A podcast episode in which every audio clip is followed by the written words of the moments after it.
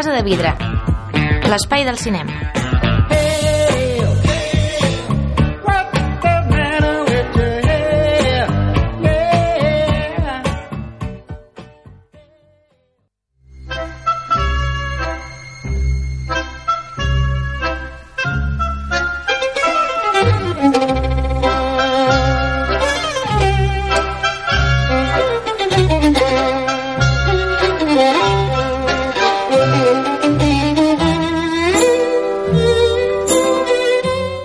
Aquí com uns jueus a la Rússia prerevolucionària amb música, com toca aquest mes que diguem aquest mes, de John Williams al gener. Tu sabies, Víctor, que John Williams va guanyar el primer Òscar amb aquest eh, No sabia, violinista en el tejado? no ho sabia, però en part vinc aquest programa perquè m'il·lustris, tio. Sempre prenc coses amb tu. I know, I know. Ara ja ho sé. Ja, ja, I a més ja vaig buscant, eh? ja cada setmana Bien. Bien. per allà. Eh? Ves-me buscant, tio. Cert, eh, doncs sí, sí, el primer Òscar que va guanyar el John Williams, al 72, va ser per El violinista en el tejado, que era l'adaptació d'una musical de Broadway que el va composar Jerry Bock i resulta que, que el, jo això, això ho desconeixia eh, ara mateix eh, va guanyar l'Òscar a millor música adaptada era una categoria separada Uau.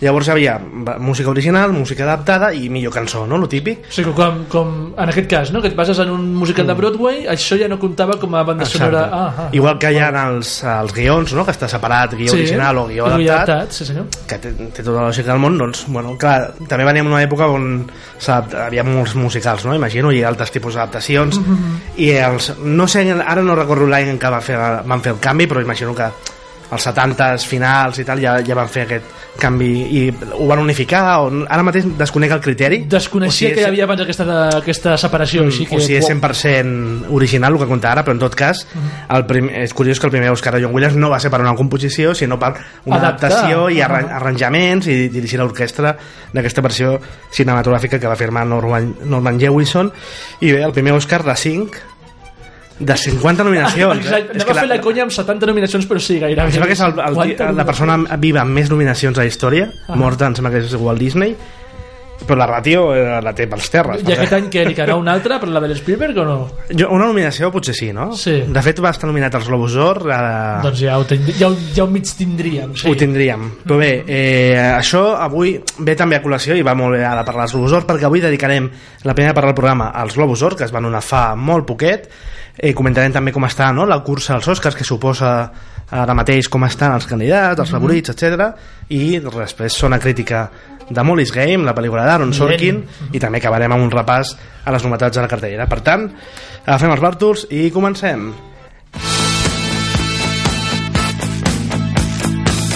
Dolces, O salades.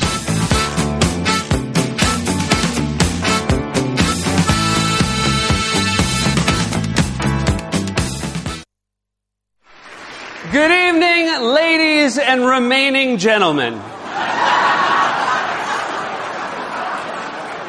I'm Seth Meyers and I'll be your host tonight. Welcome to the 75th Annual Golden Globes and Happy New Year, Hollywood. It's 2018, marijuana is finally allowed and sexual harassment finally isn't.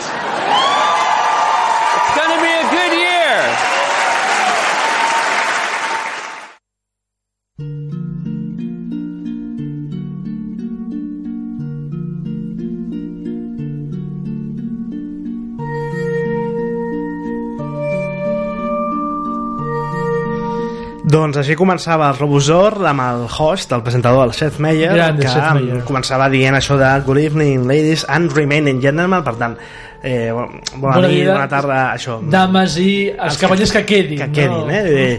I, I bé, que s'ha legalitzat la marihuana i, però que, enca- i que s'ha prohibit el sexual harassment, no? L'acosament sexual, que va ser realment el leitmotiv És el temàtic, d'aquest any sí. i, òbviament, el, de, el que marcaran el, aquests premis, no? tant els Mm. Globus d'Or com els, segurament els Oscars. Sí, els Globus d'Or sempre se'ls etiqueta, eh, com l'antesala dels Oscars. Mhm. Jo crec que a nivell de premis cada cop eh, és me menys cert aquesta dita, més que res per la separació de categories, en Sí. Comèdia musical, el caràcter dels premis, que els otorga la premsa estrangera, i ja se'ls acusa molt cops no? de voler a fer-se la foto amb els famosos de torn, no? I, Hi, hi ha anys que canten moltíssim, Sí. eh? hi ha algunes nominacions aquest mateix any que han dit... "Uf". totalment. Eh, però igualment, sí, vull dir, en quant a premis sí que s'aprecia aquesta divergència no? entre Sí. Globus d'Or i els Oscars, però sí que els Globus d'Or ens diuen, normalment, sobretot a través de les nominacions, quines pel·lícules estaran a la pomada dels Oscars. I el que, el que vull dir és que comentés ara els Oscars aquest any jo crec que funciona a nivell de la temàtica de la gala eh? realment Sí. ens, ens ha, ha sigut un primer tast de l'ambient que hi haurà al voltant de tot aquest tema no? I, i, i com segurament ho tractarà el Jimmy Kimmel que de fet el, el Seth Meyers en la seva en la, com continua el monòleg no?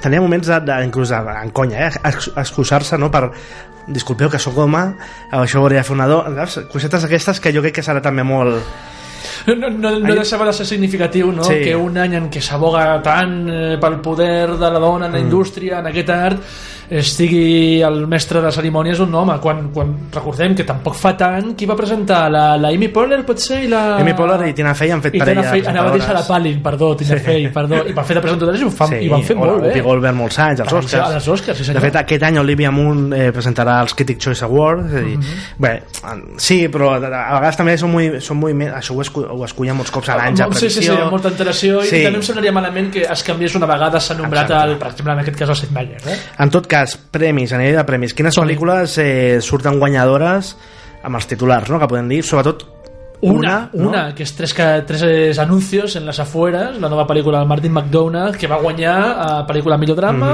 millor guió, millor actriu en categoria actriu, dramàtica, sí, sí. per les Frances McDormand, i millor actor secundari, pel Sam Rockwell, pel, perdó, pel gran, el gran Sam Rockwell. Sí, senyor. Pel·lícula que s'estrena aquesta setmana i, i després ja anirem comentant, però sí, sí, és la que surt. Segurament no era abans de la, de la gala potser no era la que apuntava però, però quina seria... qui- Quina creies tu que podia ser? Pregunto, eh? Perquè jo, jo Clar, que vaig fer mireu, pocs deures previs, eh? sí. Abans dels Globus d'Or. Clar, si ens fixem en, en, en millor pel·lícula, no? Sí. I tenint en compte aquesta dualitat Entre entre, drama i comèdia sí. musical, que, que bé, és el que és, eh, ens hem de fixar més en drama, no? Competir amb Dunkerque, Sí, eh. The Post, la nova de Spielberg, eh, La forma de l'agua, que és aquesta que sentim la música, que va guanyar el- Alexander Desplat a millor música, Merescudíssim, per ser Sí. gran composició del desplat. Call Me By Your Name, una pel·lícula de Luca Guadagnino que arribarà també d'aquí molt poc i que mm, en molts cercles comptava com a eh, gran favorita És una de les grans preferides de la crítica, sobretot, i al cap Mm. sí. de la fi, els Globus d'Or es donen la crítica. uh, mm, teníem aquests tres anuncios i si mirem les de comèdia sí que podíem rescatar en quant a plantejament Oscars eh? Sí, sí, sí. Disaster Artist, jo crec que... mm, Però bueno, ara mateix està sortint uns temes a James Franco al voltant d'acusament sexual. Jo crec que això afectarà moltíssim a la carrera de moltíssim. James Franco i de la pel·lícula perquè el pels Oscars, segur. eh, Déjame salir, aquesta gran pel·lícula de terror, Sí, senyor. tot i que el gènere la pot penalitzar, sí que la temàtica la pot beneficiar, Eh, anem a tenir una mica de memòria. Quina va ser l'última vegada que una pel·lícula de terror va arribar entre les finalistes? Potser és Sexto Sentido? Des de... Segurament, Va, va estar nominada a la millor pel·lícula, nominada. però des de llavors jo crec que el cinema No, de gènere no, no, ha rascat gaire més res. Eh? no, ni la comèdia, ni el terror, ni el superheroi, se m'apureu, ni, ni, ni l'acció i tal, excepte els seus anillos. Sí, sí. Eh, Han tornat a rascar res, sí. No. I, potser... digues, digues, sí, no, no, no, i això, jo, Tonya, eh, Tònia, és una pel·lícula que també pot estar a la terna de les... Clar, és que mm, com han canviat la norma als Oscars, Ja. poden ser mínim 5 pel·lícules nominades o màxim 10. Per tant, mm, i Lady Bird I també. Lady Bird, que que aquesta sí que es postulava també a priori. Sí, que de fet és la que va guanyar millor pel·lícula de comèdia, per tant, també és la- l'altra pel·lícula que surt forta, eh? De... Jo abans de que es donés a conèixer qualsevol nominació de qualsevol d'aquests premis, jo la que donava com a més favorita a aquestes, altera, a aquelles altures de l'any era Dunkerque, de, de Christopher Sí. Nolan, que òbviament ha estat molt nominada, però se'n va anar de la gala de 8 o va guanyar alguna cosa? Mm, eh, de, no, no, no, perquè a més que no. eh, no hi ha tècnics, diguéssim, els típics de fotografia tal, els Globus d'Or no els tenen, Mm. que jo crec que potser és el que rascarà més els Oscars, però sí que és cert, és una pel·lícula que a més, també la crítica molts eh, estàvem d'acord quan la vam veure a, dir, a veure si per fi és una És pel·lícula a la que el donen perquè és allò que és mm, pel·lícules per optar ha tingut, eh, però l'ha penalitzat el gènere Sí, senyor. Sí, senyor. o també la, la data d'estrena, eh, que això Em també passa molt Interstellar sí que va estar nominada a millor pel·lícula. Sí, i de fet el Caballero Oscuro també però... També va estar nominada sí, sí, Caballero sí, i Oscuro. va guanyar, Uau, i va no guanyar l'Heath Ledger recordava. Ahà. Vull dir, ja va ser Sí, una senyor. fita no? en quant a un gènere que trenqui una miqueta els esquemes però senyor. també el que li penalitza molt a Nolan eh, en aquest sentit eh, és la data d'estrena són pel·lícules que arriben a s'estrenen al- a l'estiu els hi costa molt eh, rascar després als Oscars eh? Sí, parlem habitualment d'aquesta memòria dels acadèmics, no? Eh, s'ha desmentit bastant aquest tòpic, eh? que vull dir, si, si et poses a rascar eh, històricament trobaràs pel·lícules que han guanyat l'Oscar estrenant-se a l'estiu més o menys, però, però sí que és cert que Sí, almenys sí. en els últims anys s'està complint bastant això. És una tendència, no? També la, a nosaltres ens passa, a vegades, uh, uh, ara aquestes setmanes que ens deien millors pel·lícules a l'any, acostumes a, a, a nombrar les més recents Sí, ah, sí, sí, i sí. després Sí, sí, jo m'obligo a mi mateix a posar-me davant d'ordinador davant de tot el calendari Sí, d'estrenes sí, de l'any sí. perquè si no, és que algunes se m'obliden ho sento, sí, som humans, No, no, passa tot Mira, això que deies històricament va passar amb el, el Sense dels Correros, va ser les primeres que va trencar, es va estar en l'abril, Uau. però va sortir O sigui, gairebé un any abans, sí, gairebé sí, sí, per eh, el circuit del Molt i bé. també perquè les distribuïdores van començar, és quan van començar a enviar còpies als acadèmics.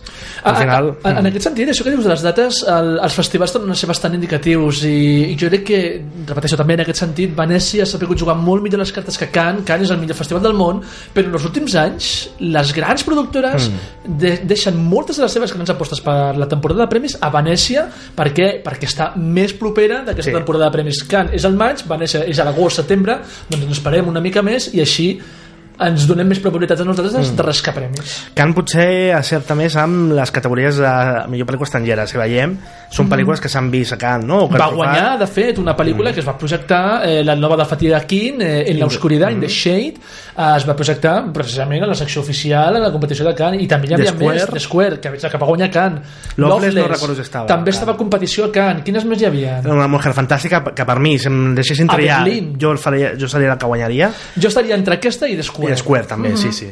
Eh, bé, més premis així que tu, algun que vulguis destacar mm, perquè és això, al final com que la, la, la transgressió als Oscars és agafar pels pèls eh, jo destacaria si Ah. més no Sí. la Saoirse Ronan eh, a Lady Bird com a millor actriu com a la gran competidora de Frances McDormand a, a la part de millor actriu de cara als Oscars Sí, senyor.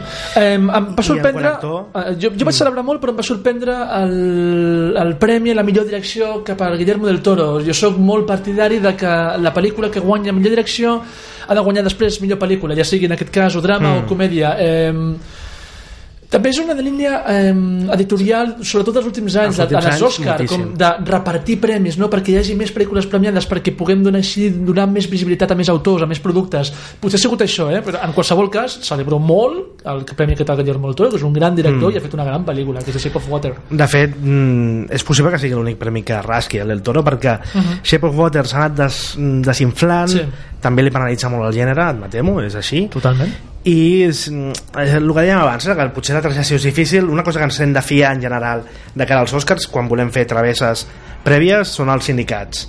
I el sindicat de directors, en aquest cas, tenim el Martin McDonald, Uh, també el Guillermo del Toro per tant podria entrar a la terna eh, el Jordan Peele i la Greta Gerwig per Lady Bird uh, i el Guaragino també està Molt per allà uh, jo crec que en aquests noms estarem eh? no sé si... costarà veure eh? jo, el del Toro a més tot i que la pel·lícula té un missatge molt potent Sí, sí, sí, sí, molt potent i eh, jo la primera vegada que vaig veure aquesta pel·lícula em vaig dir, mira, un altre cuentito de Guillermo del Toro però la vaig començar a reflexionar i realment té una reflexió quintessencialment Guillermo del Toriana, podríem dir d'aquesta aquesta visió de la fantasia no? aquesta defensa de la fantasia com una evasió, com, Sí. com una escapatòria impressionant a a una realitat que és, que és horrible això serveix tant a la Guerra Freda com en els temps Mm. de Trump que estem visquent ara mateix, per exemple si mirem eh, per exemple les travesses en quant a apostes a internet i tal, que hi ha una web que ho segueix Sí. molt això, golderby.com Estats Units, de fet el del Toro està fort eh? el directors, eh, també fiquen el Nolan jo cada cop ho veig menys clar el Nolan Steven Spielberg per la quota jo que cantarà no? Eh, és per decret, també és una eh? pel·lícula Sí.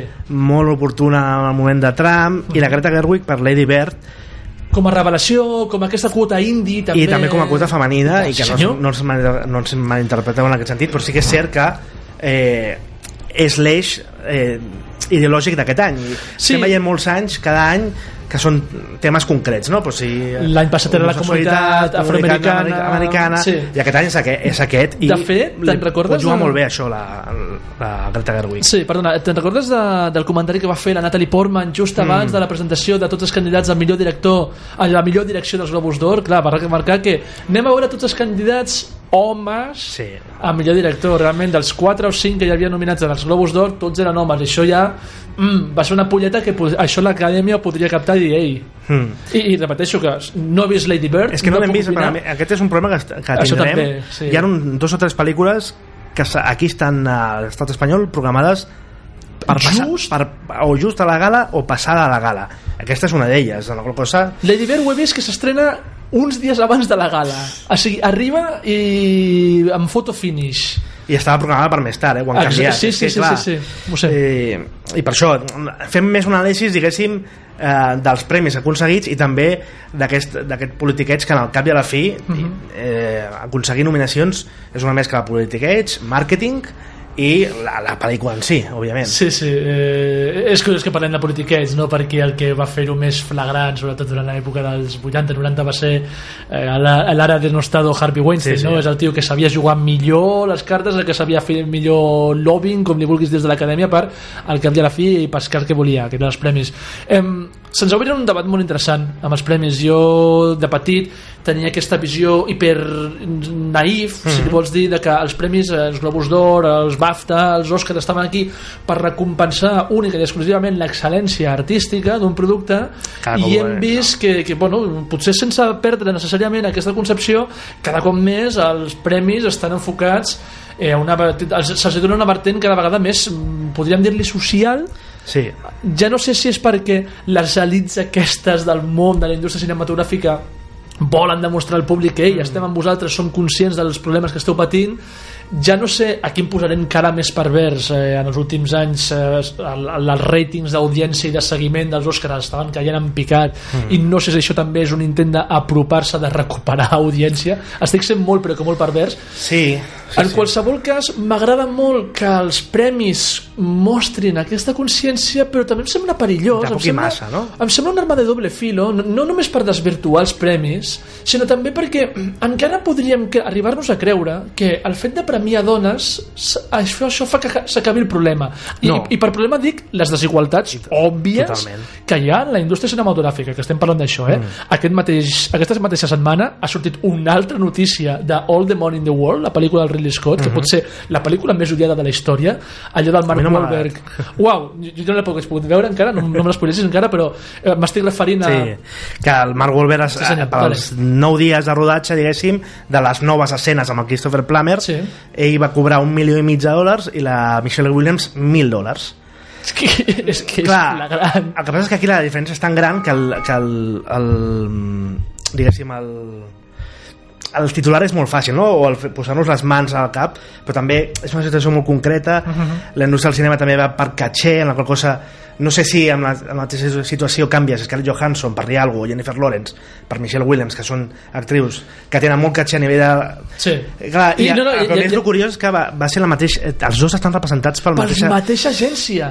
Algun dia s'explicarà bé tot això molt perquè clar, sí que és veritat que ell tenia moltes més escenes que ella eh, amb el, I, i també però puc clar, entendre eh, a, a, del Mark Wahlberg estem parlant del, prim, del segon sinó el primer actor més sol·licitat de Hollywood. Segons la, el Forbes és l'actor que més El ha cobrat aquell any el més caché Ahí estamos. També, a saber quan- si el Mark clar. Wahlberg estava molt més sol·licitat i va haver, fer un, va haver No de fer un que el- forat en la seva clar. agenda i això s'implicava més cost. per això aquestes estrelles de Hollywood tenen la- l'agenda ja planificada durant 5 anys Sí, sí, sí, sí. Fan un plan quinquenal, i, sí. sí. i quan no tenen una pel·lícula tenen una altra o quan no tenen aquesta altra estan aprimant o, o, o ficant-se catxes per una altra i d'aquí també les coses amb els reixuts que veus canvis en el cos del, Estem parlant del bigoti i de- de bigoti Cavill a vegades, del sí. Superman Ahà. clar, és que és, és molt complicat eh? ho dic més que res, més enllà de la injustícia que és una ju- injustícia evident aquests titulars que ja estan Sí. titllant a, Sí. enfadant-se amb el Mark Wahlberg doncs al final ta, ta, No, no, si ella jo, jo bàsicament, sí, jo més que històries- enfadar-me amb, el War- amb el Mark Wahlberg m'enfadaria amb l'agència, però igualment sí, estic molt d'acord amb tu en que s'ha de contextualitzar. Igualment és flagrant, eh, la És- diferència entre és que, un- clar, 1,5 milions i menys de 1.000 dòlars. S'ho han de fer mirar perquè el, el, el, la diferència és tan gran Sí. però a més el Christopher Plummer també va cobrar 1.000 dòlars és una cosa, és molt estrany tot això algun dia s'explicarà bé perquè a més el Ridley Scott fa una setmana va dir que ningú va ningú cobrar havia cobrat, exacte. Vaig no, veure no sé molt bé De moment és la pel·lícula més tèrbola de la història del cinema, eh? Una de les més en, en tèrboles. fi eh, res, mm, per tancar aquest tema Mhm. uh -huh. dels Oscars una mica de planificació aquest divendres eh, d'aquesta setmana el dia 12 es tanquen les nominacions ai, les votacions Vale. per tant tots els acadèmics ja hauran votat Quan sabrem les nominacions? el 23 de gener Gent. Ja ho sabrem tot, ja ho comentarem aquí i la gala dels Oscars el 4 de març Vale. per tant, feu-vos agenda, planifiqueu-vos m'ho acabo de marcar ara mateix. la temporada d'Oscars acaba començant força i, i aquí la seguirem eh, bastant per Com tant, això, ens ho apuntem i ja anem a jugar a unes pa- partides de pòquer que jo soc molt de pòquer, ja t'aviso Tens cara de farolero, tio. molt és game La zona crítica.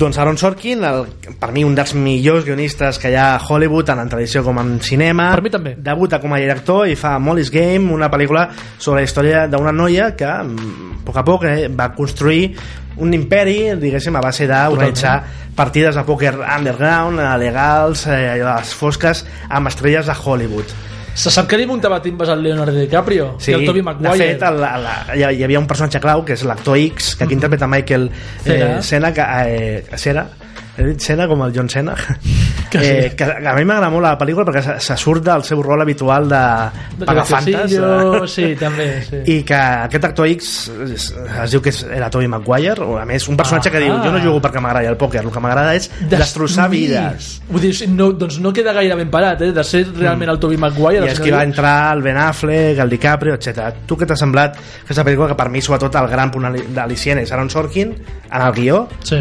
I Jessica Chastain com a gran I Jessica. Chastain, inclús Idris Elba, Sí. sí. tant en, en el reparto com en el, tant el guió com a la direcció. Sí, jo, jo tenia molt interès a veure què feia l'Aaron Sorkin des de la direcció. Em sembla que la pel·lícula comença molt bé, eh, d'acord. té, té un arranque quintessencialment Aaron Sorkin en, en què la protagonista vomita 4.000 dades, eh, 4.000 històries però que sempre són molt entenedores uh -huh. juga molt bé amb el muntatge estic parlant sobretot quan la, la, la Molly Bloom la protagonista abans de muntar-se aquest imperi del pòquer era esquiadora professional uh -huh. quan t'està explicant res aquests 5 minuts en què ella aquests 5 minuts de la pel·lícula passa en de la glòria al, al, Passa de la glòria al fracàs. sí, fracàs absolut allò em sembla estupendo a mi em dóna la sensació que aquesta pel·lícula m'encantarà i després per mi mm, no, no, no aguanta aquest ritme no, no, no aguanta aquest interès l'estic seguint sempre amb, molt, amb, amb cert interès amb o molta entreteniment, no? facilitat. realment et, sí, et, senyor, et sí, sap senyor. entretenir, entretenir. Jo el que trobo, i potser d'aquí ve el tema, és que segurament la temàtica aquesta, malgrat ser molt atractiva i tenir aquests tocs eh, morals grisos, tampoc és una història que ens escandalitzi. Ja. Saps què vull dir? Tampoc és allò un Lobo Wall Street que has vist que han destrossat la classe mitjana americana a partir d'això. Són al final gent rica que està perdent els seus diners, Mhm. està destrossant algunes vides, però al final és com tot tan de tan d'una elit que Exacte, sí senyor, una elit. A mi el que em passa amb aquesta pel·lícula sobretot és que se'm fa molt llunyana. Així com per exemple amb la red social amb Moneyball, mm. amb Jobs realment està parlant de personatges també molt llunyans no deixava d'incidir molt bé en els temps que ens ha tocat viure, Clar. en la red social en aquesta gent que d'un dia per l'altre es fa rica inventant una cosa virtual en Moneyball, en com funciona el món de l'esport actual en Jobs, en els grans monstres que hi ha darrere dels grans genis que admirem. En Molly's Game sí, és una història molt entretinguda però amb la qual mm, jo, a mi em costa moltíssim falta... desconnectar. Sí, quina nota li poses per tancar? jo li poso un 6,5 Jo ar- apuraria cap al 7. Mhm. Ràpidament, vinga, anem a repassar estrenes, a veure quines destaquem. vinga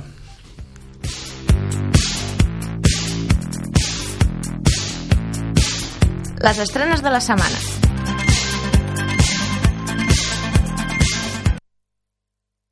¿Qué dice la ley sobre qué se puede poner o no en una valla? Doy por sentado que nada que sea difamatorio o algo como joder, puto o coño, ¿verdad? Eh... Ah, no. Entonces podré hacerlo. Molt comèdia negra amb aquests tres anuncis anuncios en les afueres l'hem comentat als Globus la gran triomfadora i per mi una de les millors pel·lícules del moment potser la primera gran pel·lícula de l'any que ens arriba amb una gran Frances McDormand eh, que està espectacular i una història fosca però que toca molts temes la comentarem millor la setmana vinent Sisplau, sí, sí, ens- ens hem d'estendre, eh, la setmana vinent, sí. també tenim Gary Oldman que no ho hem dit va guanyar millor actor a Globus d'Or i que és un dels favorits als Oscars També. amb la seva interpretació de mm, Winston Churchill Mhm. a l'instante més oscuro una pel·lícula que, on ell és tot diguéssim I- Sí, sí, sí. És la ja típica producció de prestigi britànic. Tot molt correcte, tot molt implacable, però a mi, més enllà de Gary Oldman, bé. I de les que queden, en què et queies? Eh, tenim en Extranjero, Acció, Martin Campbell, Pierce Brosnan i Jackie Chan. Òbviament amb aquesta em quedo. Vull dir, és, és pur porno, això per mi. Tio. I, Rumbo i Vietnam, una comèdia amb Carmen Machi i Loving Vincent, una pel·lícula d'animació que estarà als Oscars a millor pel·lícula d'animació. Visualment, Visualment espectacular. Sí, senyor. I crec que també hi ha una pel·lícula a Netflix no? que ha sortit fa poc Moltes No sé gràcies. Good. Time dels germans Safdie, per mi la millor pel·lícula que vam veure a Cannes, un thriller urbà nocturn eh, novaiorquès amb el Robert Pattinson fent un papelón de dir, per mi una de les millors de, de, una de les millors pel·lícules americanes de l'any passat. Doncs ja sabeu, està a Netflix Good i a part al cinema, Tres Anuncios, Instante Más Oscuro, déu nhi que tenim de bon material. Acabem un altre cop en John Williams, adaptant en aquest cas Cole Porter amb El Tempo Maldito, Indiana Jones, Anything Goes. Ens trobem la setmana vinent. Moltes gràcies. Adéu.